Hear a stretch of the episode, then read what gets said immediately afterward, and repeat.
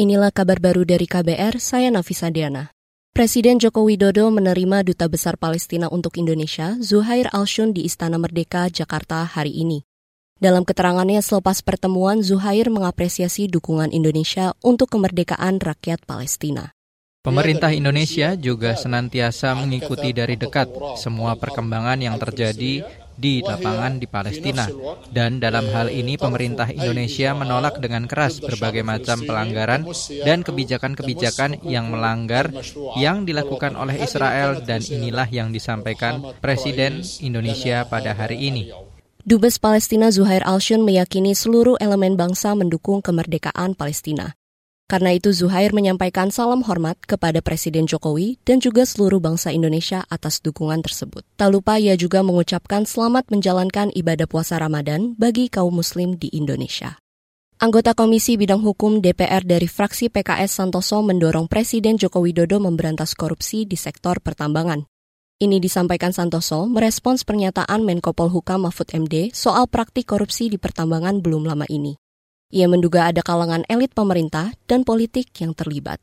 Untuk itulah Presiden sebagai kepala negara, saya kira memiliki kemampuan untuk memberantas ini. Dan apa yang disampaikan Pak Mahfud, ini sebenarnya sebagai info untuk Presiden agar ini benar-benar bisa ditindaklanjuti dengan melakukan pemberantasan secara masif. Itu tadi anggota Komisi Bidang Hukum DPR dari fraksi PKS Santoso. Sebelumnya Menko Polhukam Mahfud MD menyebut praktik korupsi terjadi di semua sektor, termasuk di pertambangan.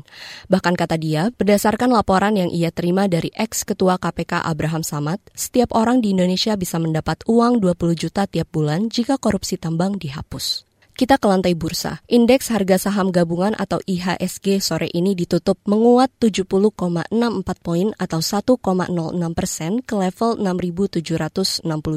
Tercatat terdapat 344 saham menguat, 207 melemah, dan 166 stagnan. Transaksi perdagangan mencapai 15 triliun dari 21 miliar saham yang diperdagangkan. Penguatan juga terjadi pada nilai tukar rupiah. Sore ini rupiah spot ditutup di level 15.153 rupiah per dolar Amerika. Rupiah menguat 1,27 persen dibanding penutupan Selasa 21 Maret 2023. Demikian kabar baru dari KBR, saya Nafisa Deana.